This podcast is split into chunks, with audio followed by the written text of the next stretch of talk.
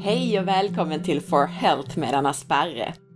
Det har gått 100 hela avsnitt sedan jag startade podcasten hösten 2014. Podden har fullkomligt exploderat och vuxit med mellan 300 och 400 procent jämfört med förra året. Vi har haft massor med häftiga intervjupersoner och även många populära avsnitt som jag spelat in själv. Och idag kommer jag att plocka ut några av de bästa biohacksen. Alltså jag kommer att från de populäraste avsnitten välja ut några grymma hälsotips med vilka du kan biohacka din egen kropp till en bättre hälsa och ett bättre mående. Dessutom presenterar jag vem som har blivit den populäraste intervjupersonen och lite annat smått och gott. Missa inte dagens avsnitt. Jag tror att du kommer att gilla det och säkert få med dig några tips som du kan ha nytta av för ditt mående. Dessutom, lyssna i slutet av avsnittet. Du kommer nämligen att få möjlighet att vara med i ett avsnitt och ställa dina frågor direkt till mig. Först och främst, tack till alla er som delar med er av podden på Facebook, Instagram med mera. Jag vill också tacka er som har lämnat betyg och recensioner i iTunes. Stort tack! Det hjälper mig att hålla podden levande och att få hit intressanta intervjupersoner. Jag påminner också om att du kan boka mig som föreläsare till ditt företag eller privata grupper. Och är du nyfiken efter avsnittet så hittar du som vanligt mer information på forhealth.se.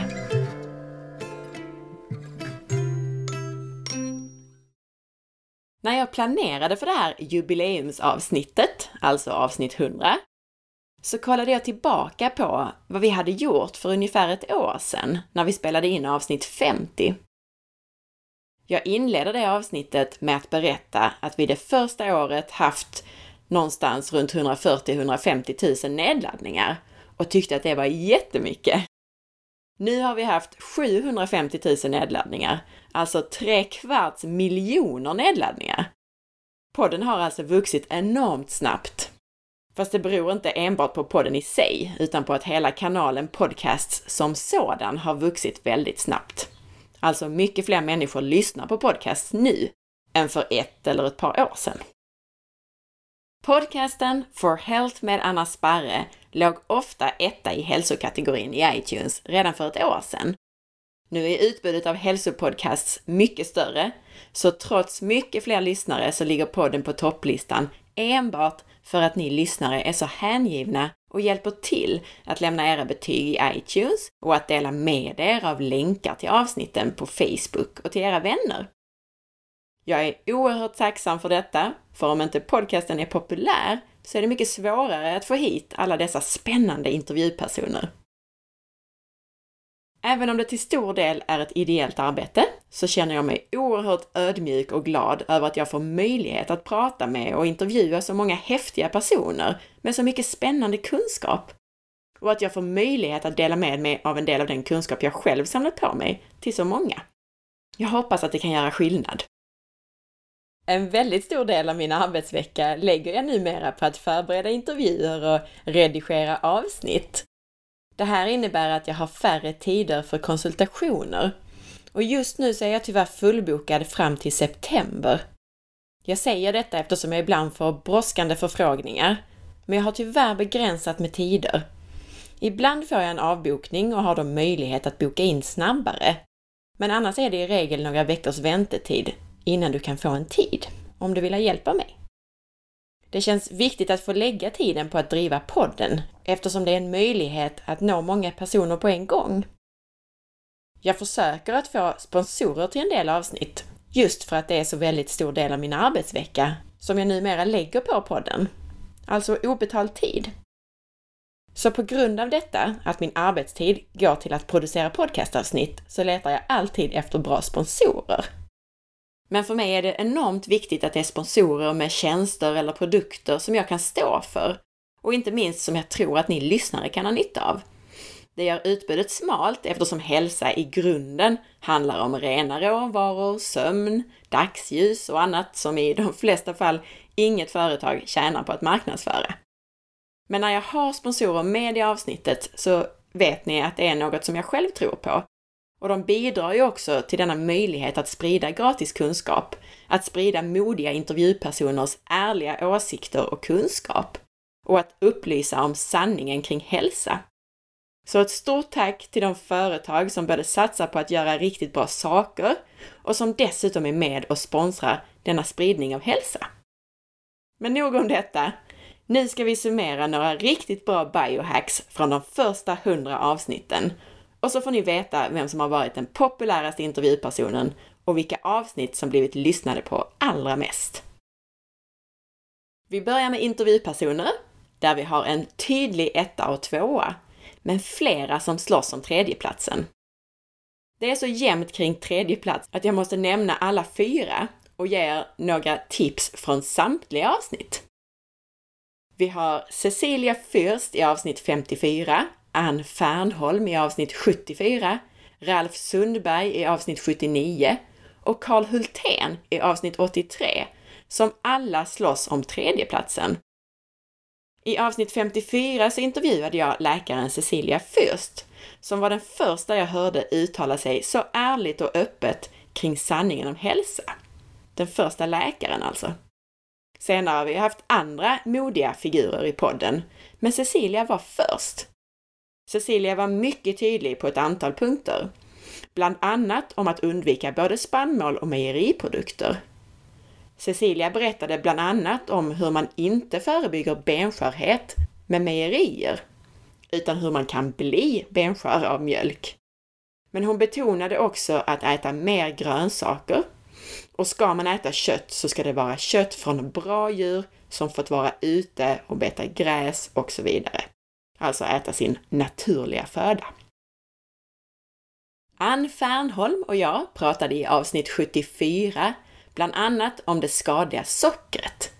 Vi pratade om vetenskapen kring kostråden, men vi pratade också om mat till barn och inte minst kräsna barn. Små barn kan smaka på mycket olika sorters mat så att de tidigt lär sig äta och känna igen smaker. De ska äta riktig mat och få lära sig tugga. Låt ungarna gnaga på broccoli istället för plastleksaker var Anns tips. Har man äldre barn som redan hunnit bli kräsna så gäller det att få dem att smaka på maten.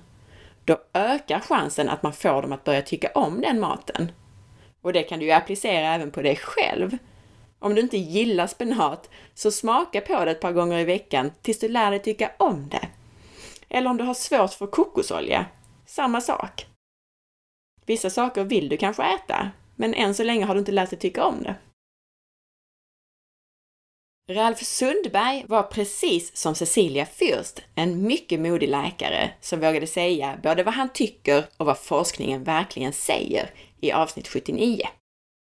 Ett par heta ämnen som jag pratade om med Ralf är blodtryck och kolesterol.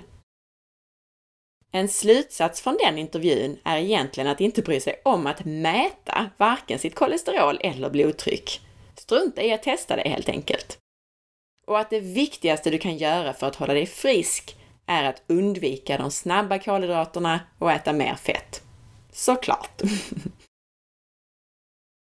Karl Hultén i avsnitt 83 om autoimmunkost är den sista som slåss om tredjeplatsen. I det avsnittet får du lära dig om autoimmunitet och hur du kan äta för att hålla immunförsvaret på bra humör och minska inflammation och bli frisk från en del autoimmuna tillstånd. Några saker som är viktiga att undvika är spannmål, mjölkprodukter, bönor och linser och potatisväxter. Ofta behöver man också, åtminstone i ett första steg, undvika vanliga allergener som ägg, nötter och fröer till exempel.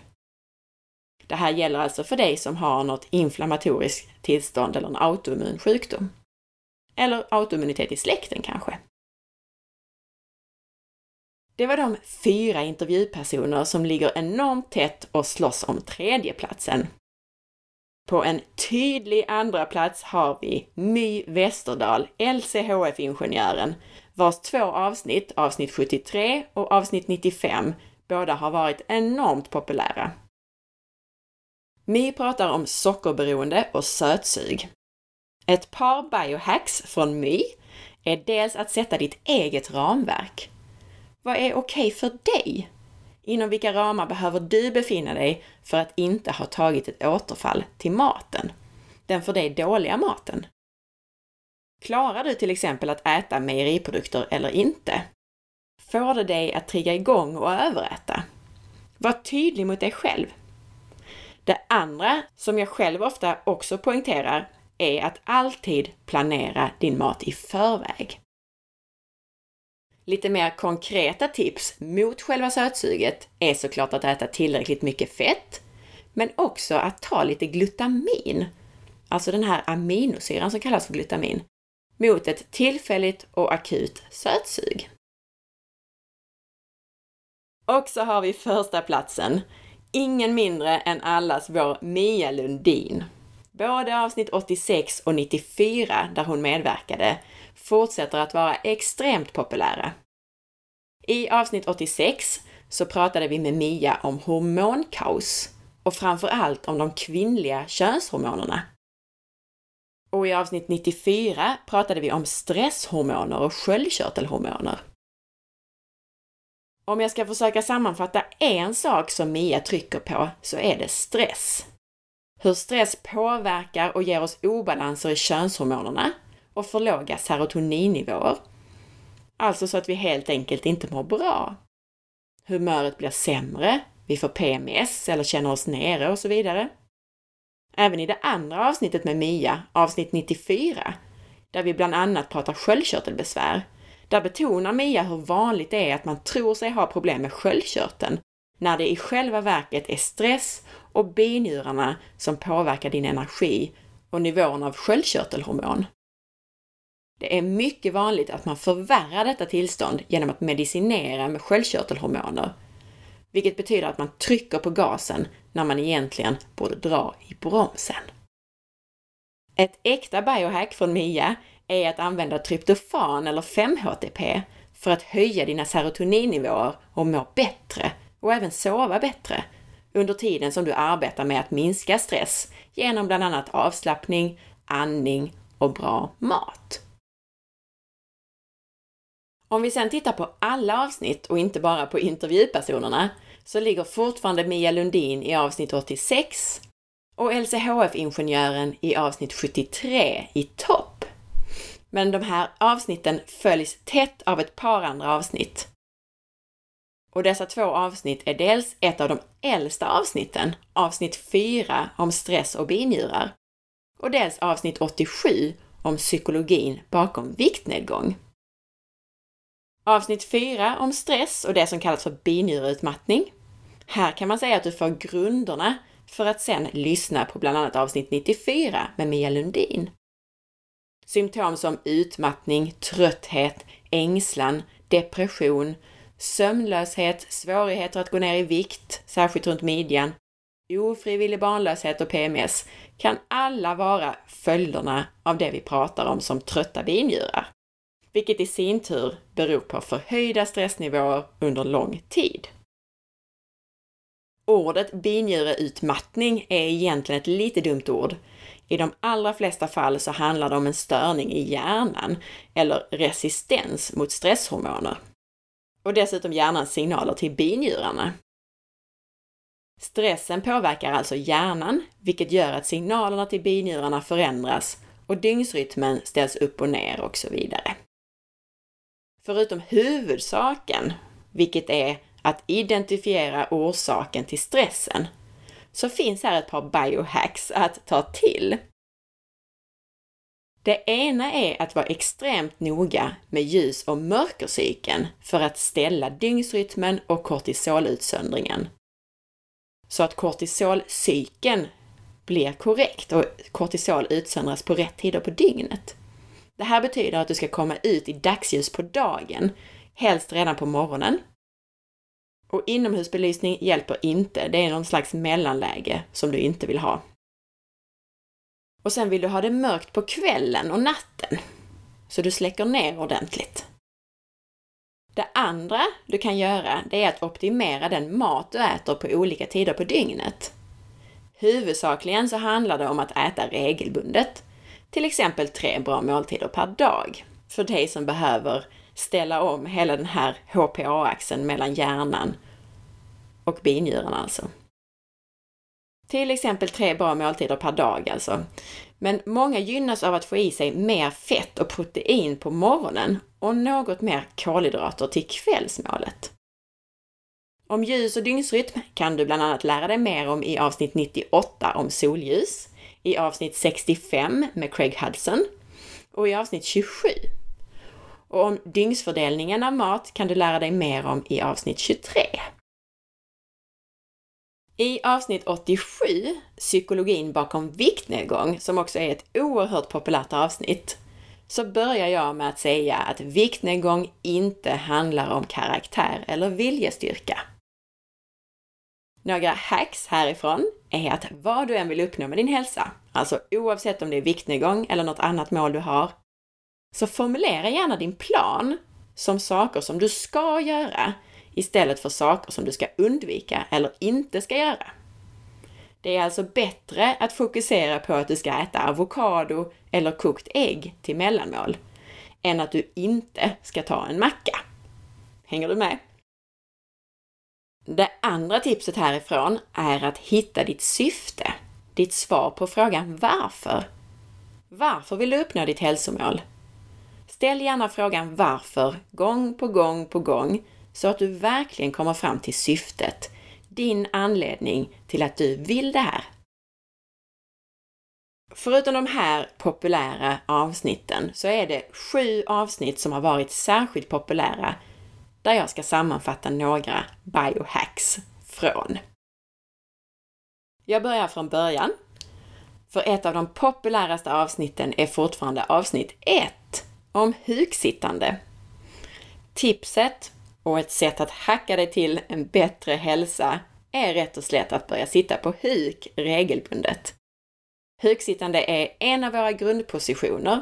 Det hör alltså till vårt ursprungliga rörelsemönster. Men det är många idag som inte kan sitta på huk. Men hälsofördelarna med att lära sig huksittande och att regelbundet sitta på huk är många. Allt från att det ökar din rörlighet och minskar vanliga skador till att du får mindre ryggvärk, snyggare rumpa, bättre hållning och minskad förstoppning. Och oavsett om du bryr dig om hälsan eller inte, vem vill inte ha en snygg hållning och en snygg rumpa? Avsnitten 56 och 57 handlar om insulinkänslighet. Och särskilt avsnitt 57 med massor med konkreta tips på hur du ökar din insulinkänslighet är ett mycket populärt avsnitt. Och för dig som inte lyssnat på avsnitten så handlar insulinkänslighet om att bland annat förebygga diabetes, gå ner i vikt och öka din fettförbränning. Förutom det kanske mest självklara rådet för att öka din insulinkänslighet, nämligen att undvika snabba kolhydrater, så finns här massor med biohacks i det här avsnittet.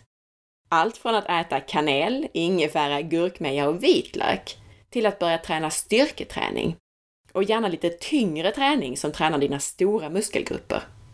Men all träning, så länge din kropp inte är sönderstressad ska jag säga, är positiv för insulinkänsligheten. Det viktigaste är att undvika stillasittande, men både intervallträning och styrketräning ger pricken över i så att säga. Om du inte tränar alls idag, så börja med att skaffa ett skrivbord som du kan stå vid istället för att sitta. Och börja göra några styrkeövningar hemma på mattan framför TVn till exempel. I de här avsnitten, 56 och 57, så får du massor med andra tips som såklart inte bara rör träning, utan olika sorters mineraler, fetter med mera som kan påverka din insulinkänslighet. Avsnitt 57 innehåller 25 konkreta tips med förklaringar. Ett mycket populärt avsnitt är också avsnitt 61 om vanliga fel på LCHF. Här finns många olika tips, men ett som jag har tagit upp tidigare, det är att äta mycket grönsaker. En del går så långt i sitt räknande av kolhydrater på LCHF att de begränsar grönsakerna.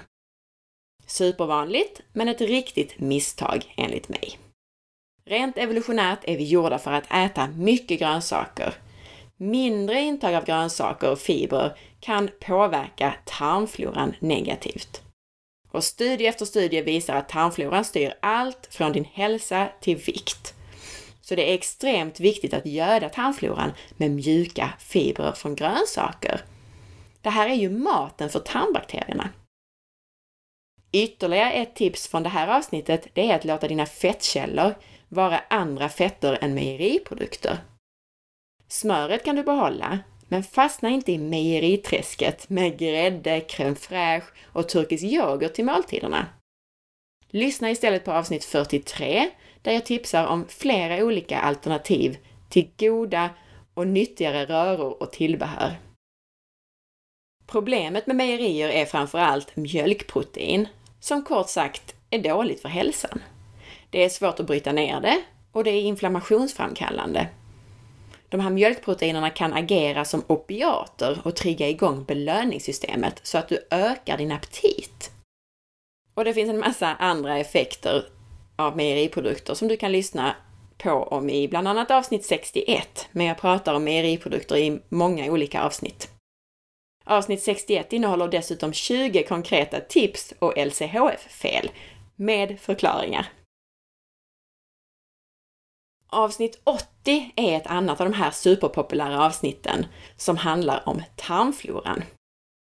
Och det finns flera mycket populära avsnitt om tarmfloran. Avsnitt 44, 46, 51 och så det här nyare avsnittet, avsnitt 80.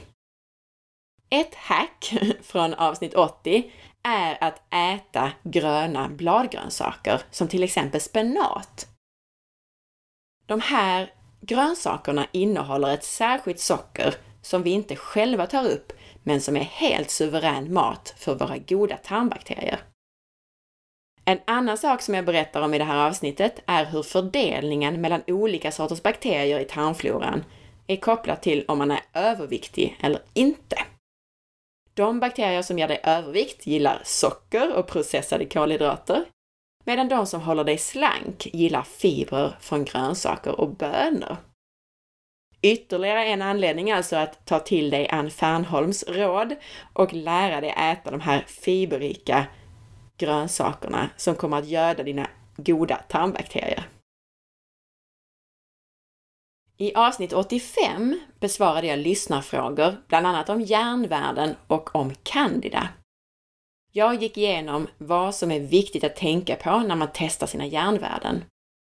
Och summerat kan man säga att ditt HB, det som oftast kallas blodvärde, det är inte ditt järnvärde. Det här värdet, HB, beror på järnet i din kropp, men det beror också på ämnen som folat och vitamin B12.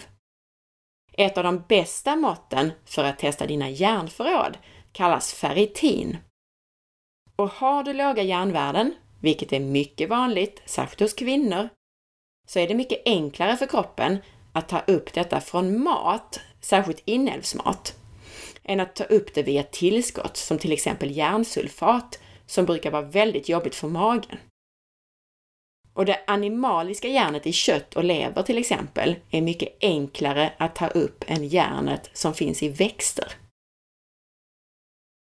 När det gäller candida, eller gästsvampöverväxt generellt, så är detta mycket vanligt om man äter rikligt med snabba kolhydrater. Eller om man har andra obalanser i kroppen, till exempel en parasitinfektion och en dålig tarmflora med för lite goda bakterier. Förutom att lägga om kosten så finns det flera örter och växter som kan vara väldigt effektiva mot candida, såsom oregano, vitlök och kaprylsyra från kokosolja. I avsnitt 89 förklarar jag lite om hur immunförsvaret fungerar och ger dig några biohacks kring hur du stärker ditt immunförsvar eller motar bort virus. C-vitamin hjälper våra makrofager, de som slukar inkräktare i vår kropp. Men det gäller att få i sig C-vitamin utan att samtidigt få i sig en massa socker. Få i dig det till exempel från lever eller broccoli. Och detta eftersom sockret kan blockera för C-vitaminet i makrofagerna. Mitt lilla hack från detta avsnitt är att om du börjar känna av en förkylning så spring snabbt ner i affären och köp en billig påse askorbinsyra från kryddhyllan. Ta ett gram i timmen eller så tills din mage börjar prata eller bli lite lös. Men fler hacks får du genom att lyssna på hela avsnittet där jag pratar om allt ifrån hur du balanserar olika delar av immunförsvaret till tillskott av ämnen som D-vitamin, zink och selen. I populära avsnitt 91 så besvarar jag ett par lyssnarfrågor som bland annat handlar om binjurar, men även om aptit och mättnad. Ett hack härifrån är faktiskt att beräkna ditt kaloriintag ett par dagar. Ja, det känns nästan som att svära i kyrkan eftersom jag inte gillar varken kalorier som begrepp eller att räkna. Men i vissa fall behöver du en liten fingervisning. En del, och särskilt den som 16-8 fastar och bara äter två mål om dagen, eller den som kommer från tidigare fettskräck, börjar äta alldeles för lite energi när man går över till en lågkolhydratkost. I alla fall alldeles för lite energi från riktig mat. Och det här är samma personer som brukar säga att de blir utmattade och energilösa av för lite kolhydrater i kosten. I många fall handlar det inte om att man får i sig för lite kolhydrater, utan att man helt enkelt inte får i sig tillräckligt med energi när man går över till en lågkolhydratkost. Man äter för lite mat totalt sett, eller så äter man alldeles för lite fett. I många fall mår man kanske bäst av att öka både fett och kolhydrater. Och då menar jag inte att du ska börja äta pasta och ris, men att du kanske ska äta lite rotfrukter till maten ibland. Också, viktigast av allt, att du ska öka på fettinnehållet i dina måltider.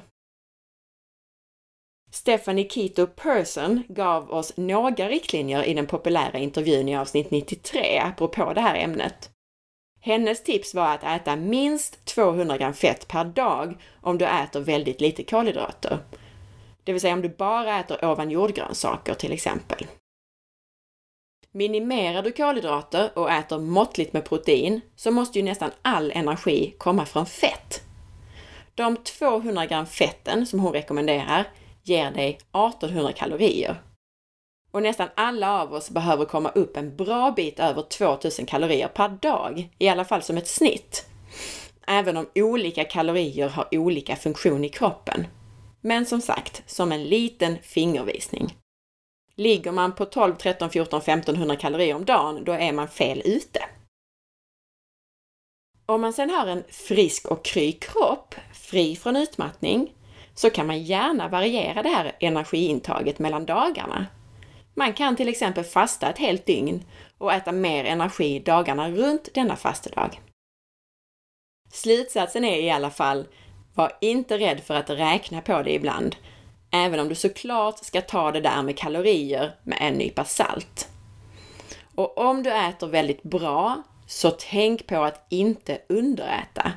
Ät mer riktig mat helt enkelt. Ät dig mätt. Det är svårt att överäta på bra mat utan snabba kolhydrater och mejeriprodukter. Kom ihåg det. Så för många är det inte som man tror att man ska sitta och begränsa sitt energiintag, utan kanske tvärtom att man måste se till att verkligen få i sig sin mat.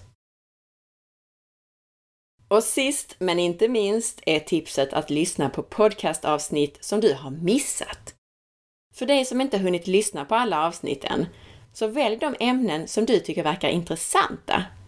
Du behöver absolut inte lyssna på avsnitten i kronologisk ordning. De är fristående avsnitten.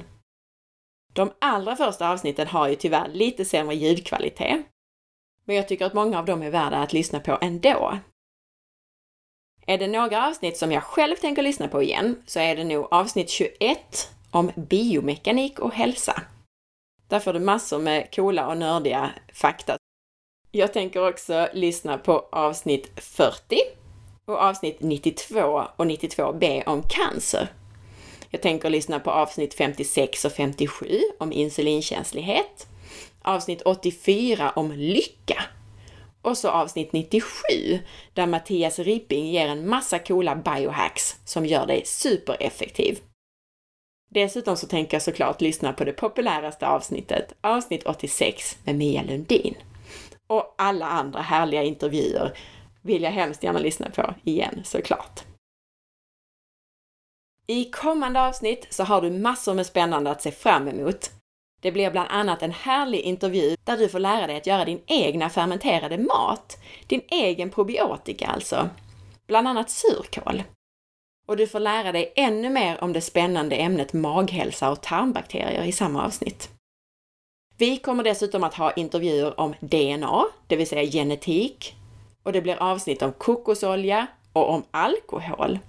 Är ett glas vin nyttigt? Eller hur är det egentligen? Det blir också avsnitt om gifter i vardagen, hur du plastbantar i ditt hem, hur kroppens avgiftningsmekanism fungerar på riktigt och mycket, mycket mer. Så missa nu inte detta och önska gärna intervjupersoner och ämnen i kommentarerna på forhealth.se. Vi fortsätter alltså både med intressanta intervjuer och ämnen om både högt och lågt, allmänt och nördigt. Och nu, innan vi slutar, så ska du få möjligheten att ställa dina frågor direkt till mig. Det är nämligen så att jag har blivit inbjuden till en massa andra podcasts, men inte känt att jag har haft tid att prioritera det. Och så tänkte jag, varför inte först och främst göra en intervju med mig själv i den här podcasten? Det här betyder att du som lyssnare kan få möjligheten att göra den här intervjun och passa på att ställa dina egna frågor, högt och lågt, om din egen hälsa eller allmänt och frågor om mig om du vill det. Du väljer. Och du får såklart eh, guidning av mig innan inspelningen och du kan få hjälp att formulera frågorna också såklart.